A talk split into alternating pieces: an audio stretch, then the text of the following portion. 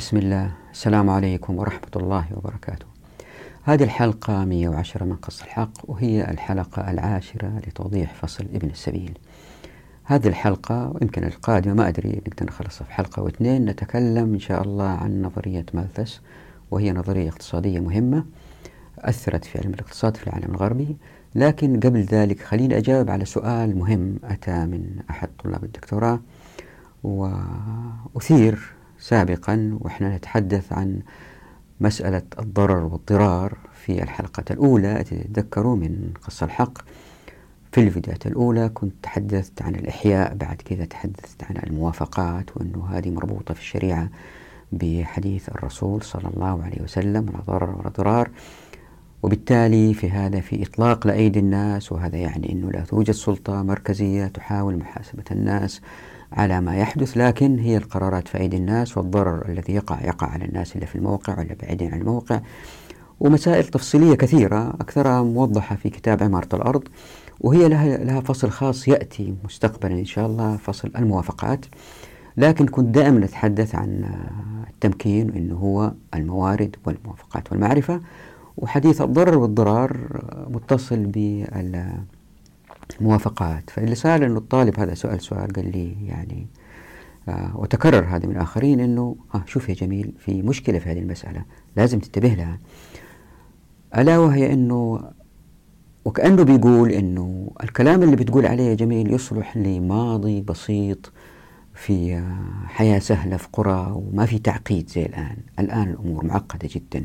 فضرب مثال وقال أنه مع التقدم العلمي وجدنا أنه استخدام الطاقة يلوث البيئة وبالتالي كل ما استخدمنا أكثر كل ما لوثنا أكثر. وهذا يعني أنه التلويث يتراكم بأفعال الأفراد اللي استهلكوا الطاقة بغير منطق يزيدوا في الاستهلاك يسرفوا فإذا جاء شخص ثري وقال والله في منطقة باردة أبغى أعمل بيت وكل الشبابيك قزاز وأنا عندي فلوس وأقدر أدفع فلوس للطاقة فاللي بيصير إنه إذا الآخرين تصرفوا مثله يصير في هدر للطاقة والطاقة حتى, حتى نولدها بالذات بالطريقة الأحفورية الآن المنتشرة. أما من الفحم أو من الغاز أو النفط الزيت فاللي بيصير إنه بيزيد التلويث. نحتاج الدولة عشان تضع أنظمة وقوانين تمنع الناس من هذا التصرف. إذا هنا نظريتك يا جميل تفشل. طبعا هي ما هي نظريتي هي شريعة. أنا ما عندي نظرية. أكرر هذا الكلام مرارا. أنا ما عندي نظرية. أنا بحاول أبين الشريعة كيف تشتغل الأيام هذه. وهي مناسبة أيضا الإجابة على هذا السؤال لأنه برضو آخرين سألوا قالوا طيب أنت بتقول أنه بعض فقهاء الشريعة وبعض الباحثين في الاقتصاد ما يقدروا يفهموا الشريعة كيف تشتغل الأيام هذه لأنه ما عندهم معرفة بعلم التنمية والعمران. فحاول أجاوب الآن على هذه المسألة بربط السؤالين مع بعض. الآن خلينا نقول أنه آه الطاقة هذه اللي بيستخدمها الإنسان في آه مكانه إذا كان ثري ويزيد الاستهلاك من أين تأتي؟ هناك ثلاث احتمالات أما تأتي من مكان بعيد في ذلك المكان البعيد في شركة تحدث الطاقة هذه تولدها أو أنه الدولة تولدها هذا الاحتمال الثاني أو أنه الشخص يوجدها في مكانه طبعا في احتمالات بينها أنه مثلا سكان الحارة يمكن يوجدوا وسيلة لتوليد الطاقة لحارتهم مثلا يحطوا برج عالي لتوليد الطاقة بالرياح وتشاركوا في تكلفتها وتشاركوا في صيانتها وتشاركوا في الاستفادة من الطاقة هذه. في احتمالات مختلفة لكن الثلاث الاحتمالات الأساسية أن الطاقة توجد في المركز. أو توجد بعيد عن المركز. وين وجدت بعيد عن المركز؟ في طريقتين لها. أنه الدولة تحدثها أو أنه شركة تحدثها. الآن إذا كان الدولة توجد الطاقة هي في الغالب بتشغل أفراد بيشتغلوا في هذه المسائل. وزي ما هو معروف من نظريات الاقتصاد أنه الدولة عندما تدخل في هذه المسائل تكون الفاعلية أقل الإفشنسي يعني الأداء يكون أقل. فأوجدنا بالتالي طبقة من الناس في المجتمع هم ما بيشتغلوا كما يجب وبيعيشوا مرتاحين بمجهودات الآخرين. ويمكن يصيروا أثرياء لأنه يمكن يستغلوا هذه الطاقة أو هذا المنصب اللي يحدث هذه الطاقة لأنه مركز مهم في آه، الحصول على المزيد من المكاسب على حساب المجتمع.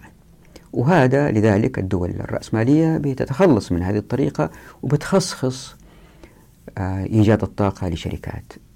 الاحتمال الثاني ألا وهو أنه هذه الشركات عندما تشتغل هي شركات رأسمالية لأنه في النمط الحالي الموجود أنه إلا بي استحدثوا الطاقة وبيشتغلوا في هذه الشركات هم ناس مأجورين. يعني ناس مجلودين على الأخير ولازم يشتغلوا بأعلى ما يمكن بأقل راتب ممكن. وإذا تذكروا في الحلقات الماضية دائما كنت أقول أنه الرأسمالية بتنتعش وبتدينا استهلاء آه، منتجات أكثر لأنه في ناس بينجلدوا ليل نهار مع مبلغ صغير يادوا بكفيهم ياكلوا ويشربوا يمكن شوية يستمتعوا. فهم دائما تحت الجلد. فهذا اللي صاير الآن في هذه الشركات. وبالذات إذا كانت شركات احتكارية لأنه الخطوط خطوط الكيبلات تحت الأرض هي ملك لهذه الشركة أو ملك للدولة تعطيها لهذه الشركة كاحتكار لمدة معينة. فيصير في احتكار للشركات على حساب المواطنين. وهذا أيضا يؤدي إلى أن الشركة قد تتصرف أحيانا بتصرفات وهذا ثبت. آه، الشركات الكبيرة ما كانت في البداية تؤيد استحداث الطاقة آه، من طرق أخرى غير النفط مثلا أو غير الحجر الفحم الحجري. فكانوا يستخدموا يعني كانوا ما يوجدوا أبحاث ويدعموا أبحاث لإحداث الطاقة بالرياح أو الأمواج في البحار وما إلى ذلك. بعدين بضغط شعبي بدأوا يتجهوا لهذا التوجه. الآن خلينا نوضح فكرة حتى نعود للفكرة هذيك حتى تتضح المسألة. خلينا نقول إني أنا شخص ساكن في بيت وميسور الحال وعندي واحد آه، يطبخ في البيت وقلت له يوميا لازم تطبخ عشرة أشكال مختلفة وأعطيك مبلغ خلينا نقول مثلا آه، مئة دولار في الشهر. وإنه إذا كان لم يأخذ هذه المئة دولار ما يجد عمل في الخارج لأنه ما عنده مجال يشتغل. وكل شيء ممنوع إلا بتصريح من الدولة فمضطر يشتغل عندي. فأعطي له هذا المبلغ وإذا كان ما آه، طبخ العشر أنواع هذه يمكن أفصله. فهو مضطر كل يوم يشتغل ساعات طويلة حتى يلبي لي هذه الطلبات. وفي واحدة تنظف البيت ونفس الشيء أقول لها البيت يجب أن يكون نظيف بدرجة كذا إني أحط إيدي على أي حاجة ما أجد فيها غبرة إني إني. ولك أيضا 100 دولار في في الشهر. وإذا كان فصلتها لن تجد عمل. فتضطر للعمل بدل ما تشتغل خمس ساعات تنظيف يمكن تشتغل 10 12 ساعة حتى تضمن أنها لا تفصل لأنه عند أولاد تبغى تأكلهم وتشربهم. وفي آه واحد ثالث عندي سيارة. أعطيته هي قلت له تشتغل على السيارة هذه وتعطيني في الشهر 100 دولار وهو بيكسب آه 400 دولار يدفع مثلا 100 دولار البنزين و100 دولار ضرائب للدولة و100 دولار يعطيني هي أنا و100 دولار له يعيش فيها. فإذا ما اشتغل في اليوم 13 14 ساعة ما يقدر يوفي المبلغ هذا 400 حتى هو يعيش لأنه 300 خارجة فباقي له ال 100 طبعا أنا مبسوط ومرتاح وعزم الناس والناس يشوفوني ويشوفوا كل شيء ممتاز ومن أحلى ما يكون. ويقولوا والله النظام هذا اللي ماشي عليه جميل ممتاز. هم شافوني شافوا بيتي وشافوا وجبة الأكل اللي عندي وشافوا المال الزائد اللي عندي أنا اللي بستخدمه في بحبوحة. ما شافوا هدول المجلودين ليل نهار لأنه أبواب التمكين مقفلة عليهم في الخارج وما لهم مجال يشتغلوا إلا عندي أو عند الناس أمثالي. فالإنتاجية عالية لأنه اللي يجي يزورني يشوف بيتي نظيف يشوف أكلي ممتاز ولبسي ممتاز يقول الله النظام هذا صالح وممتاز للبشرية. وهدول المجلودين ما لهم صوت ما يقدروا يتكلموا وكأنه ما لهم وجود لأنه ما حد داري عنهم. إيش علاقة هذا بالطاقة؟ الآن اللي صاير نفس الشيء إذا كان تأخذوه على مستوى دول. خلينا نضرب مثال. السويد مثلا تدعي أنها دولة آه بتنظف البيئة ودولة أنها عندها إعادة تدوير للنفايات وما إلى ذلك. هذا كله كلام صحيح. لكن هي بتستورد آه خيرات كثيرة من العالم الآخر. بتستورد من الصين. إيش اللي صاير في الصين؟ الصين في أيدي عاملة رخيصة عمالها تلوث هناك. أو يكون في ظلم لناس شغالين هناك. مثلا شركة اتش اند ام صار بينها خلاف وبين الصين وقالت إنه يا صينيين أنتم آه تصرفاتكم ليست إنسانية أنتم بتشغلوا حوالي مليون شخص من الإيغور في إقليم تشينغيانغ وهدول مسلمين وبيزرعوا قطن وخمس إنتاج العالم من القطن يأتي من هذه المنطقة وهذه شركات تصنع ملابس فقالت هذا وضع ليس إنساني إيش اللي صار؟ إنه الصين كانت ردة فعلها مش على مستوى سياسي لكن على مستوى شعبي ويمكن هذا محرك سياسيا من المسؤولين السياسيين على مستوى فنانين ورياضيين وما إلى ذلك إنه والله نقاطع شركة اتش ام اتش ام جات شركة ثانية مثل Nike و Gap دخلت في نفس الخط وتراجعت أكثر الشركات ليه؟ لأنه الصين سوق كبيرة جدا وما يقدروا يستغنوا عنها. يعني مسألة إنه مليون شخص مسلم ينجلدوا ليل نهار وما يأخذوا شيء عشان ينتجوا هذا القطن أصبحت مسألة ثانوية في نظام عولمي متأثر بالرأسمالية جدا.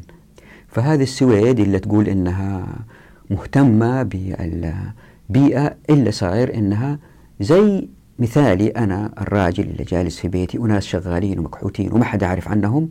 ويمكن كمان أنا بأسوي واجهة زجاجية كبيرة واستخدم طاقة كبيرة في منطقة باردة واستهلك آه، أدوات أخرى يمكن ما أحتاجها. عندي ثلاثة أربع موبايلات عندي آيباد في كل مكان عندي كذا تلفزيون. بستهلك وبستنهك. وأقول شوفوا البيئة من حولي نظيفة أنا بنظف الحديقة بنظف كل شيء وأنا بستورد أشياء بتصنع في مناطق أخرى وبتلوث في مناطق أخرى. فهذه الطاقة اللي مستحدثة في مناطق بعيدة أنا ساكن هنا مثلا والطاقة تستحدث في أماكن بعيدة هنالك في تلويث لكن الناس ما هم شايفينه هنا وإذا كانت في هذه إذا كانت دولة بتوجد الطاقة بتلوث وفي ما في كفاءة عالية وفي طبقية ليه؟ لأنه الناس المسؤولين هذول بيكونوا طبقة زي ما بينا في الحلقة الماضية نفس الشيء إذا كان الإنتاج عن طريق شركات في جلد للناس زي ما هو ساير في الصين لهؤلاء المئة مليون المليون ليس مئة المليون. ونحن لا نرى ذلك في السويد لأنه شركة بتستورد مواد خام أو بتصنع آه، في مصانع مختلفة في العالم بنغلاديش ماني عارف فين ما بحث في المسألة لكن ماليا بتستفيد على حساب جلد الآخرين في مكان آخر. يعني في ظلم. زائد في احتمالية تلويث في أماكن أخرى. طبعا الشيء المضيء في المسألة أنه الناس إذا كان أوجدوا الطاقة في موقعهم اللي بيصير أنه يستهلكوا طاقة أقل. ليه؟ لأنه في الغالب إيجاد الطاقة في الموقع من طاقات غير من آه، آه، أصول غير أحفورية. يعني الطاقة ليس مولدة من النفط أو من الغاز أو من الفحم الحجري. فالطاقة في الحالة هذه مولدة في الموقع تكون طاقة نظيفة. الآن متى يندفع الناس للطاقة النظيفة هذه؟ الإجابة أنه إن طبقنا الشريعة. ليه؟ مع فتح أبواب التمكين في الموارد والموافقات والمعرفة. يعني لا توجد دولة تقول للشخص هذا أنت مرغم غصبا عنك أنك تستخدم طاقة أقل. ليه؟ لأن هذا يوجد الطبقية يوجد الدولة اللي يمكن تسيء استخدام السلطات بالأهواء زي ما بينا في الفصول الأولى. فإلا بيصير أنه الشخص هذا لن يصبح ثري ليه؟ أنا ما أقدر أجيب الأربعة دولي اللي اشتغلوا لي واحد أطبخ واحد ينظف واحد آه، آه، أشتغل في السيارة اللي أعطيته هي لن أجدهم. ليه؟ لأنهم اشتغلوا في أماكن أخرى لأنه أبواب التمكين مفتوحة في الموارد والموافقات والمعرفة. لهم أنه يحيوا أرض ويسكنوا فيها لهم أنهم يوجدوا, يوجدوا مزرعة من أموال ابن السبيل اللي هي في الزكاة وفي أموال الفيء والغنائم. لهم الحق أنهم يسافروا من منطقة لأخرى يكتشفوا خيرات الأرض يذهبوا المنطقة فيها موارد جديدة يعيشوا هناك. بالتالي أنا أصير إنسان لازم أعتمد على نفسي في كل شيء. أو أني أتكاتف مع الآخرين لإيجاد الحلول اللي لازم أعيش فيها. هنا تظهر الأفكار التي توجد الطاقة من الموقع وبالتالي الشريعة كأنها دفعت المجتمع هي دفعت مش كأنها دفعت دفعت المجتمع لاستحداث الطاقة في الموقع. هذا لا يمنع أنها تستحدث في مكان آخر لكن إن استحدثت في مكان آخر الناس اللي في المكان الآخر سيوقفوا هذه الشركات التي تلوث. ليه؟ لأنه لا ضرر ولا ضرار يعني أنه الحق للسكان من حولك يوقفوك إذا كان في ضرر. طيب واحد يروح يسوي مصنع بعيد في آخر الدنيا في ربع الخالي في منطقة بعيدة جدا في وسط الصحراء الكبرى حتى يوجد طاقة. كيف يوصل للناس؟ لا هو قريب من المنطقة العامرة. السكان راح يوقفوا له تعال يا عم أنت بتلوث. ليه؟ إنه إحنا الآن بنتكلم على وضع لن نرى هذا الشيء. الشعوب في مستعبدة. الناس ما يقدروا يقولوا شيء راح ينسجنوا لو قالوا أي شيء. في ذلك الوقت الشعوب تكون محررة ويقدروا يقولوا أي شيء. لن يسكت الواحد يلوث البيئة يوقفوه عند حده. ليه؟ لأنه النظام كله هذه سيأتي إن شاء الله تفصيلها في فصل الموافقات. المجتمع كله لن يرضى بهذا التلويث لأنه في وعي كافي. الشعوب كلها واعية جدا بمصالحها ليه؟ لأنه المعرفة جدا منتشرة. وليست محتكرة في أماكن معينة. نعلمك اللي نبغى ونسكر عليك إلا نبغى. لا كل شيء مشاع كل شيء متاح. وبعد هذا التوضيح نقدر الآن نقول أنه هذا السؤال أنه نحتاج الدولة أن تضع الأنظمة والقوانين التي تفرض على هذا الشخص أنه ما يبني واجهة زجاجية حتى لا يستهلك طاقة أكثر في منطقة باردة للتدفئة. الجواب هو كالآتي أنه إن وجدت هذه الأنظمة والقوانين هذه يضعها ناس والناس هؤلاء لهم أهواء.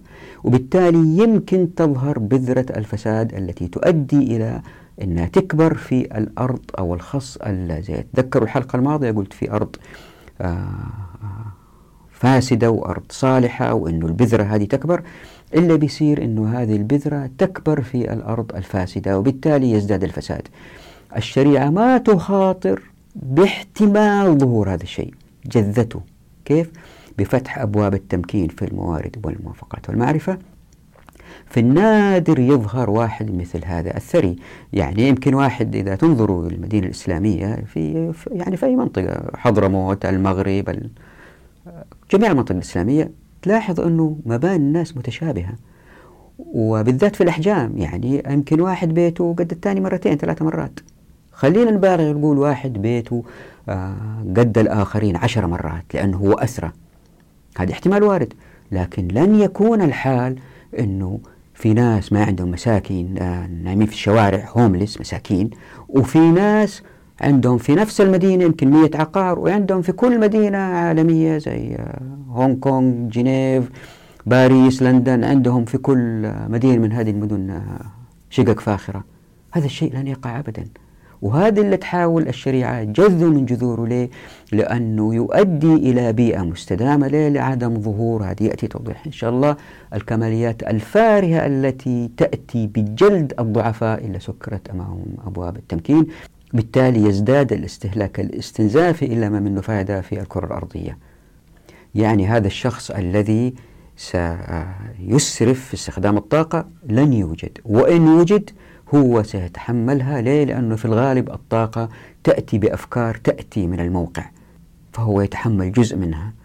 أو قد تظهر شركات تقوم بهذا الشيء وتولد الطاقة في مكان بعيد وتوصل للناس لكن هي ليست شركات احتكارية زي ما وضحت في حلقات سابقة. وهذا في فصل كتاب كتاب عمرة الأرض في الفصل التاسع. ستظهر شركات أخرى منافسة لأن السكان في الموقع هم اللي يملكوا الشبكات اللي تحت الأرض. لتوصيل الكهرباء. وبالتالي من مصلحتهم أنهم يوجدوا التنافس بين الشركات وليس الشركات هي التي تضع الأسعار للطاقة وبالتالي يكون في هدر. لا السكان هم نفسهم يملكوا الشبكات تحت الأرض لأنهم هم ملاك. سيأتي توضيح هذه فصل الأماكن إن شاء الله اللي يبغى يشوف فصل آه، آه، خمسة وستة في كتاب عمارة الأرض. وضحت هذه المسألة أن السكان يملكوا الشوارع اللي هم فيها. هذا تركيب المدينة الإسلامية. وبالتالي الأسعار تكون أقل ما يكون بالنسبة لهم من حيث طاقة. في واحد باحث مشهور اسمه ريتشارد فلوريدا ألف كتاب في التخطيط وأظن كان من الكتب أكثر مبيعا في المجال هذا. واللي لفت نظري في المسألة يعني كيف أنه يستحيل يروا الشريعة يستحيل أن يروا الحقوق في الشريعة. قال في محاضرة عن كتابه وضعت الرابط تحت في صندوق الوصف. قال أنه لاحظ أنه في المدن الأمريكية إذا كان نسبة الملاك لعقاراتهم يعني ناس يملكوا المساكن اللي يسكنوا فيها إذا كان وصلت 65 70% أو زادت إلا بيصير إنه المدينة تكون بطيئة جدا في الإبداع والإنتاج. لكن إن كان المدينة كان سكانها إلا يملكوا عقاراتهم 50% 55 ويمكن أقل من 50% المدينة هذه فيها حياة فيها حركة فيها إنتاج فيها إبداع فيها فن. وبالتالي يمكن إذا كان استمرينا في نظام حقوقي في تملك العقارات آه، ما يتيح الفرصة للناس اللي ما عندهم عقارات أكثر يعني ضيقة شوية آه أنه تكون مدن إبداعية. فالمدن الإبداعية الإنتاجية أكثر هي إلا نسبة الملاك فيها أقل. سبحان الله كيف يفكر هذا الرجال. يعني تخيلوا الكلام هذا. هو راضي بأنه ناس ما عندهم عقارات وحتى يدفعوا الإيجار يشتغلوا ليل نهار ويشتغلوا فترات أطول فإنتاجية هذه المدينة تزيد. يعني ما يريد مجتمع الناس مرتاحين فيه نفسيا في عقاراتهم ويشتغلوا على قد اللي يبغوه. لكن هذا لن يؤدي زي ما تشوفوا إن شاء الله إلى أن المجتمعات تكون بليدة وإنتاجيتها أقل. لا تكون إنتاجيتها في الحد اللي تحتاجه وبحيث أن الأمة المسلمة تكون أمة عزيزة ما حد يمكن يعتدي عليها زي ما وضحت في فصل الديوان في العمل العسكري عبادة أو وظيفة. فالشريعة سكرت جميع الثغرات إذا واحد فكر فيها إلا تؤدي إلى أنه يستحيل يوجد نظام بشري حقوقي أفضل من الإسلام يؤدي إلى أن الكرة الأرضية لن تتلوث مع عيش الجميع في سعادة وهناء. ولأن علماء الشريعة أيضا بعضهم مش كلهم وعلماء الاقتصاد والتنمية ليسوا عمرانيين فكان الربط صعب بين هذه المسائل. لذلك هو مثال جيد وأطلنا فيه لتوضيح هذين السؤالين. والآن إلى الملخص لهذه الحلقة. هذه الحلقة ما في داعي يشوفوها علماء الاقتصاد لأن بالنسبة لهم أساسيات يعني معروفة جدا. نتحدث عن نظرية ملثس واللي بيقول فيها أنه موارد الكرة الأرضية بتزيد بمتوالية عددية يعني الاثنين تصير أربعة بعدين ستة بعدين ثمانية بعدين عشرة بعدين 12 بينما التعداد السكاني بيزيد بمتوالية هندسية يعني الاثنين تصير أربعة ثمانية 16 32 وطبعا هؤلاء الناس اللي بيزيدوا يحتاجوا أكل وشرب ولبس ومسكن وبالتالي يزيد الاستهلاك في الكرة الأرضية. فرح يجي يوم ما تقدر الكرة الأرضية توفي احتياجات هؤلاء السكان الزايدين في الكرة الأرضية. وطبعا هذه النظرية لها تأثيرات إلى الآن مثلا كورونا الأيام هذه الكل يتحدث عنها وتحدثوا عن نظرية مؤامرة أنه في زيادة سكانية ويجب أن نخفف سكان الكرة الأرضية. بالتأكيد عارفين هذا الكلام وسامعينه. هذه النظرية أثرت جدا في علم الاقتصاد وزي ما قال الباحث هي أهم نظرية أثرت أكبر تأثير في علم الاقتصاد. فالباحثين أكثرهم ربطوا الكثير من المشاكل الحالية للبشرية بالنمو السكاني. فربطوا الجهل بالنمو السكاني ربطوا الفقر بالنمو السكاني ربطوا الجوع بالنمو السكاني ربطوا التصحر بالنمو السكاني. ومن كثرتهم وكثرة قناعتهم كان لهم اسم في العالم الغربي يسموهم المالثوزيين مالثوزيانز ورح نستمر على نفس التسمية ونسميهم مالثوزيين وفي المقابل في باحثين رفضوا هذه النظرية وهذول نسميهم بالمتفائلين.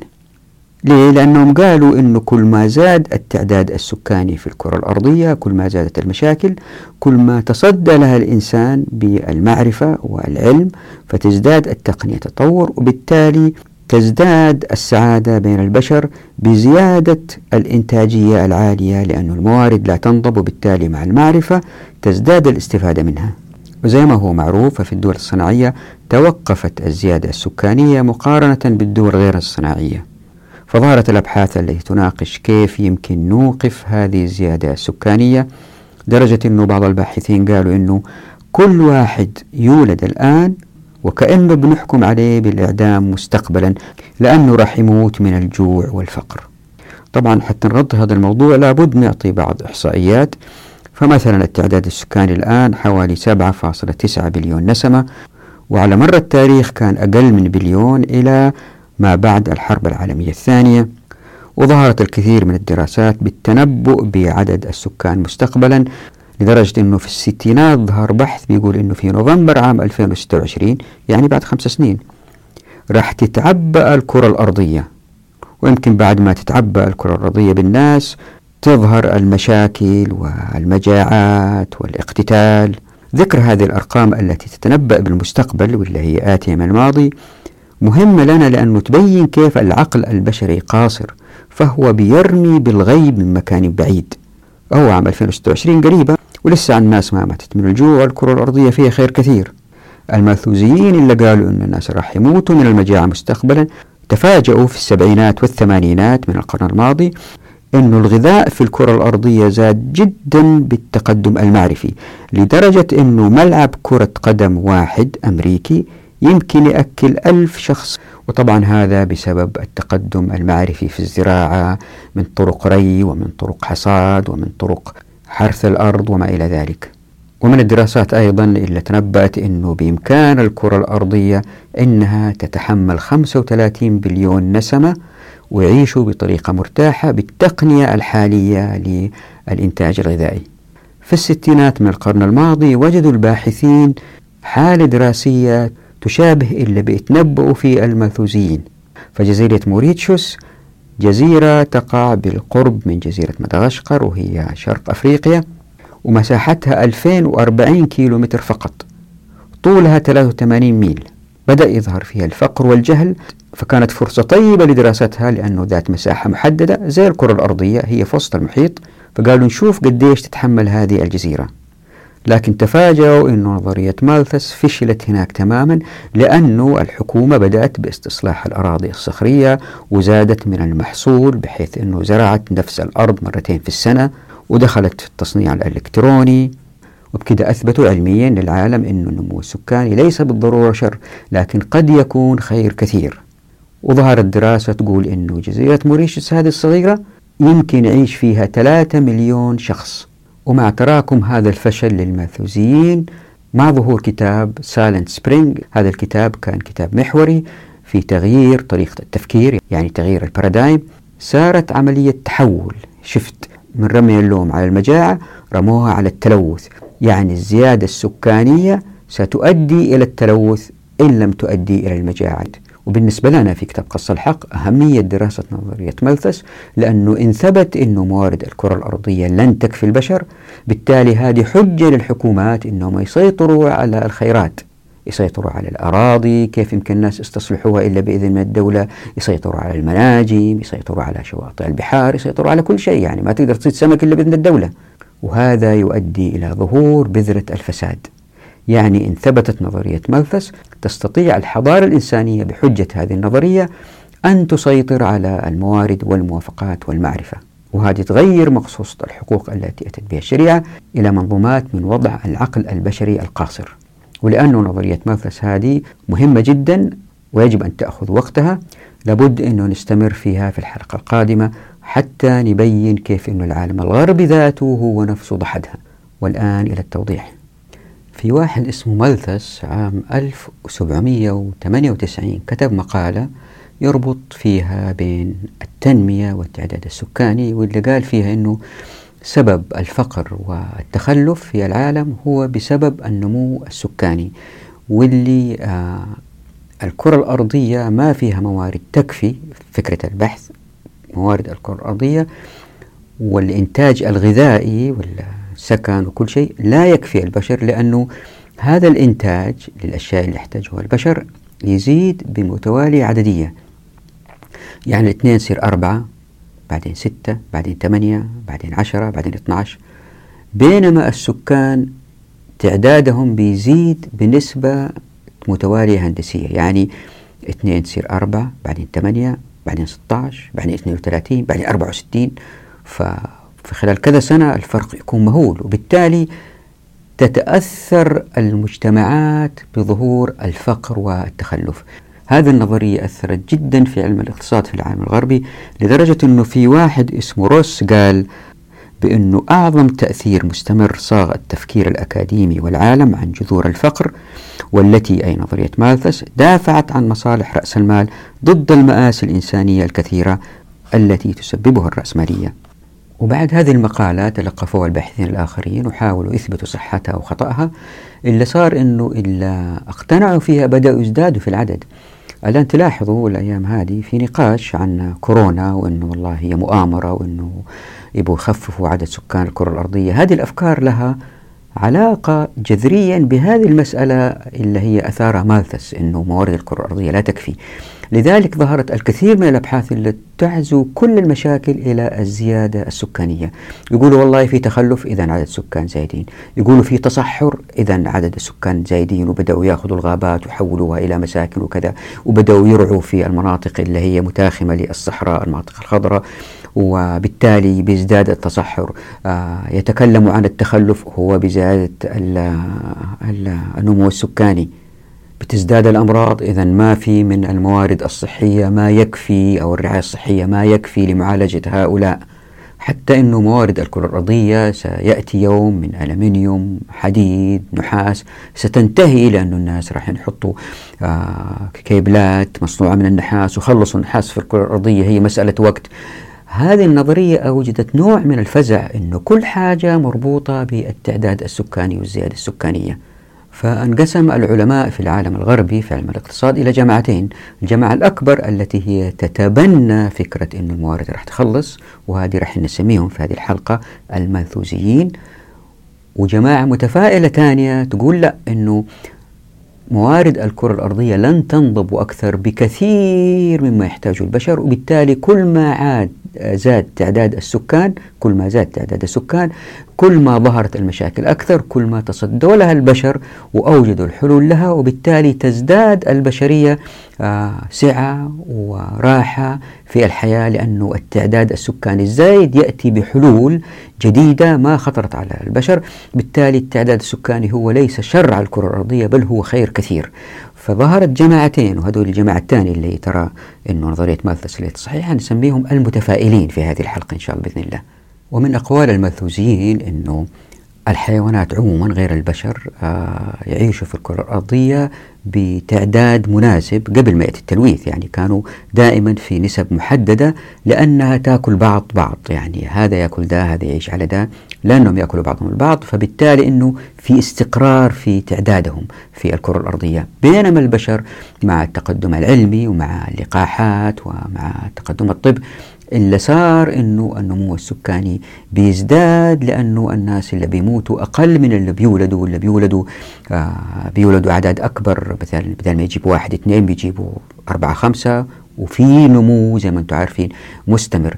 وقالوا بالذات إنه في دول العالم الثالث اللي هي دول فقيرة ما هي صناعية بيزداد الفقر والجهل بنمو التعداد السكاني. وأنتم شايفين الآن مثلا في مصر هذا الرئيس بيقول والله آه من فين نجيب لكم أكل ولازم نحدد النسل وما نعرف إيش.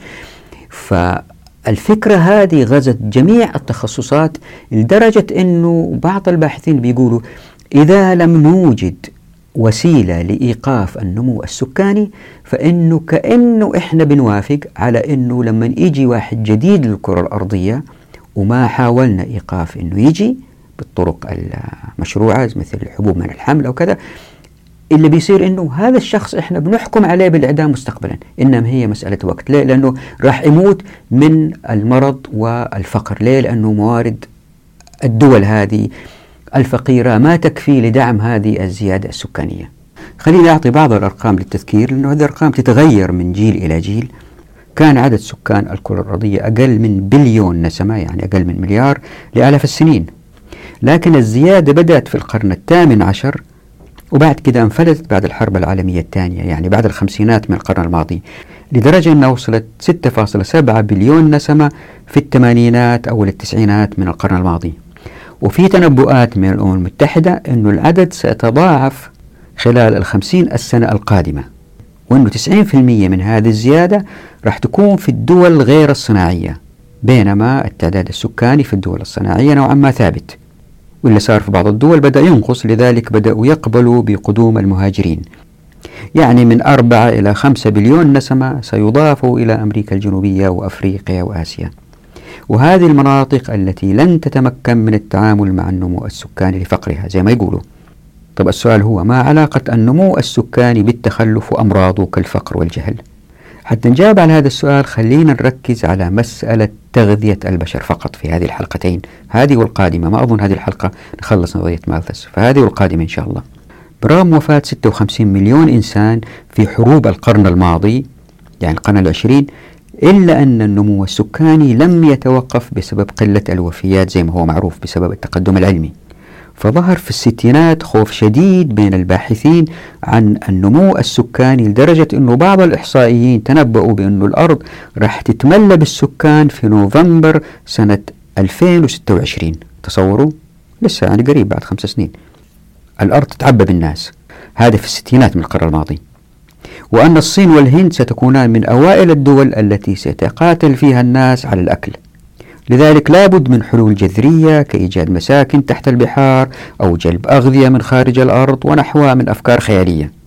لكن في السبعينات والثمانينات ظهرت مفاجأة أنه برغم زيادة عدد السكان وازدياد الاستهلاك الغذائي يعني السعرات الحرارية لكل إنسان في اليوم كانت تتحسن مع ذلك ما ظهر نقص في الموارد ليه؟ لأنه الأراضي الزراعية قد تضاعفت إنتاجيتها وزاد بذلك نصيب الفرد من السعرات الحرارية يعني التقنية تمكنت من إيجاد إبداعات تؤدي لاستيعاب النمو السكاني باستخدام المبيدات الحشرية والبذور المحسنة وتقنية الري فازداد الإنتاج الغذائي في الدول غير الصناعية لدرجة أن الدول الصناعية كانت تدفع الأموال للمزارعين في بلدانها حتى يتوقفوا عن الإنتاج حتى لا تنخفض الأسعار لمنتجاتهم. ففي السبعينيات تمكن زارعو الرز في دول العالم الثالث من حصد أراضيهم ثلاث مرات في السنة بدل مرة واحدة وهذا وضع ما تنبأ فيه المنثوزين أبدا. يعني التقنية الزراعية تقدمت لدرجة أنه إنتاج مساحة ملعب كرة قدم واحد كرة قدم أمريكي يكفي لإطعام ألف شخص طوال السنة. يعني مع مرور الزمن ستزداد البشرية ثراء مع زيادة تعدادها السكاني باستخدام العلم. طبعا في سلبيات الآن فقط أشرح الوضع. من هذه السلبيات مثلا أنه برغم زيادة الإنتاج بمعدل 3% سنويا في إندونيسيا لكنها فقدت 1500 صنف من أصناف الرز اللي كانت تتمتع بها المزارع التقليدية. هذه سيأتي توضيحها إن شاء الله في حلقات قادمة في فصل المعرفة. وأنه مع تطبيق الشريعة لن يقع هذا الفقدان لهذه النوعيات. هنا ظهر لأنه بالنظم الرأسمالية استخدموا طرق جاءت الشركات ضحكت عليهم وخلتهم يستخدموها وأدت إلى هذا الضياع. طبعا هذا المنطق رفضوه المنثوزين وقالوا أنه يستحيل أن التعداد السكاني يؤدي إلى زيادة الحلول التقنية الإبداعية وبالتالي آه، نزداد سعادة. واستشهدوا بذلك بظهور المجاعات في بعض المناطق مثل الصحراء الأفريقية ومثل أثيوبيا.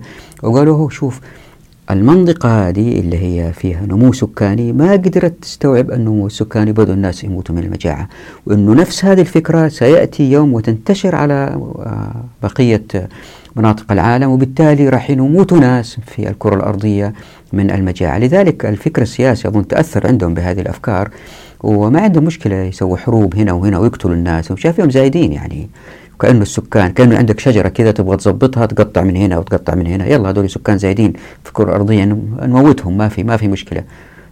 أعتقد ما أدري ما في دراسة تثبت هذا الشيء بس لأنهم غربيين سياسيين ومتأثرين بعضهم بهذه الأفكار إنه ما في مشكلة يموتوا الناس إيش المشكلة يعني؟ فالنظرة هذه إنه والله بسبب أنه الأرض ما تتحمل السكان تظهر المجاعة تحدوها الناس المتفائلين وقالوا لا شوفوا المناطق هذه اللي كان فيها مجاعة هي بسبب الحروب عندما توقفت الحروب زالت المجاعة. فاللي بيصير إنه أثناء الحروب لأنه طرفين يتقاتلوا أو أكثر أحيانا فصائل الله اعلم بعددهم فاللي بيصير يوقفوا طرق الإمداد حتى تأتي بالمواد الغذائية من مناطق أخرى والمناطق اللي هم عايشين فيها السكان الأصليين ما يقدروا يصدروا تجارتهم لمناطق أخرى ما عندهم اموال يشتروا فتظهر المجاعة. لكن إن كان ما في حروب لن تظهر هذه المجاعات.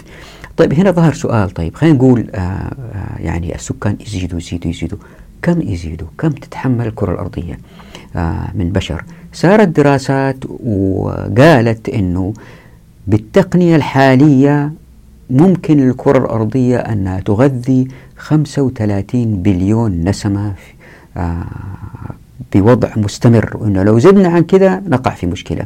أقل من كذا ما عندنا مشكلة. سنرى إن شاء الله بإذن الله أن الرقم هذا غير صحيح إن شاء الله بإذن الله.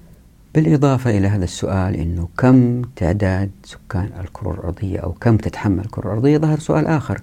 دول الناس اللي راح يعيشوا إذا كانوا 35 بليون كيف راح يكون مستوى استخدامهم للموارد وكيف راح يعيشوا هل بضيق أو بسعة؟ الباحثين وجدوا إجابة لهذا السؤال في جزيرة موريتشيس وهذه الجزيرة قريبة من جزيرة مدغشقر وهي شرق أفريقيا. هذه الجزيرة طولها 83 ميل وفي الستينات بدأ سكانها يزيد بكثرة وما عندها أراضي الجزيرة وتزرع قصب سكر وتصدر قصب السكر وتغذي شعبها. فما عندها أراضي زيادة تزرع فيها. ذهبوا الباحثين لدراسة هذه الجزيرة حتى يعرفوا إيش راح يصير في السكان لأنه بدأت تظهر عندهم البطالة والفقر والجهل. ولأنه جزيرة موريتشس هذه وضعت تحت المجهر وأتوها الباحثين من كل مكان الدولة حثت الناس على التخفيض في الإنجاب. يعني بدال ما الأسرة تجيب ستة قالوا لهم جيبوا ثلاثة. لكن برغم جميع المحاولات لتوعية السكان لبلوغ هذا الهدف إلا أن النمو السكاني لم يتوقف. فبدأ الفزع بأن ما على الجزيرة من موارد لن يكفيها بدأ يظهر. وبالتالي سيكون عجز في بناء المستشفيات والمدارس والطرق. وبكذا سينحدر المستوى المعيشي في الجزيرة. لكن العجيب أنه هذا ما حدث. فالذي حدث هو العكس تماما. لأنه موريتشس تمكنت من تخفيف النمو السكاني بعض الشيء تمكنت من استثمار بعض المال الفائض في استصلاح الأراضي الصخرية وتحويلها إلى أراضي زراعية. وتمكنت من مضاعفة إنتاجها بزراعة نفس الأرض لمحصولين في السنة. فبالإضافة لقصب السكر فقد زرعت البطاطس مثلا على نفس الأرض بين كل موسم وآخر لقصب السكر. أي أن سكان الجزيرة كانوا يحاولوا كسر نظرية مالثس ولفعل ذلك دخلوا في التصنيع فبدأوا في إنشاء مصانع للإلكترونيات بين مزارع قصب السكر.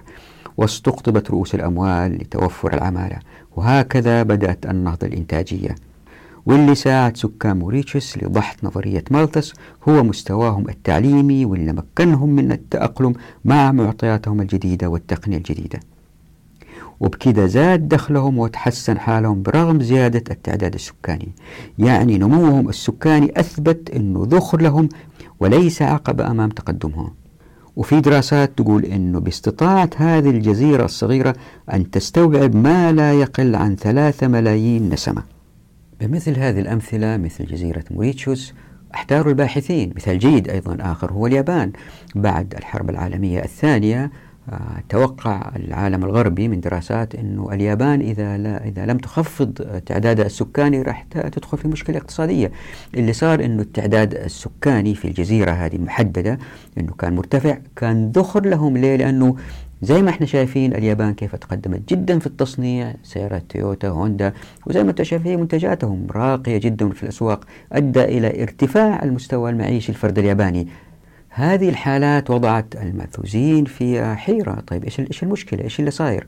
وكثرت الأبحاث لدرجة أنه في مركز أمريكي مهم للأبحاث اللي هو US National Academy of Science عام 1986 أستنتج من دراسة حضارات مختلفة آه، شعوب مختلفة تعداد سكانهم إمكانياتهم الاقتصادية عادات الشعوب في أنها هي كسلانة هي تشتغل هي وضع جميع هذه الأفكار على بعض وصل لاستنتاج مهم ألا وهو أنه المجاعة التي تأتي بسبب الفقر أو غيره هي ليست بسبب النمو السكاني. زيادة النمو السكاني قد يؤدي إلى الفقر لكن ليس بالضرورة. النمو السكاني قد يكون ذخر لتلك الأمة إذا كان عرفت كيف تنمي مواردها بذكاء إذا كانت آه طورت مهارات شعبها. فالفقر وبالتالي الجوع هو أساسا بسبب الجهل و المهارات ويعني ما في مهارات ولا توجد رؤوس أموال. هنا المالثوسيين احتاروا ورموا المشكلة حتى يقولوا إنه في تعداد سكاني وإنه تعداد مشكلة. رموه من إنه هو يؤدي إلى الجوع إلى إنه هو يؤدي إلى التلوث البيئي. فمع ظهور كتاب Silent Spring أو ربيع الصامت ونشرح إن شاء الله في الحلقات في الحلقة القادمة إن شاء الله يجب أن نقف هنا الحلقة طالت. مع ظهور هذا الكتاب بدأوا يرموا اللوم أن التعداد السكاني سيؤدي إلى التلوث وليس بالضرورة إلى الجوع. يعني اللوم حولوه من المجاعة إلى التلوث. نقف هنا نراكم على خير في الحلقة القادمة. اضطريت أن هذه الحلقة أبترها لأنه هو موضوع طويل فحتى لا تطول الحلقة نراكم على خير إن شاء الله في الحلقة القادمة. نكمل في أمان الله ودعواتكم.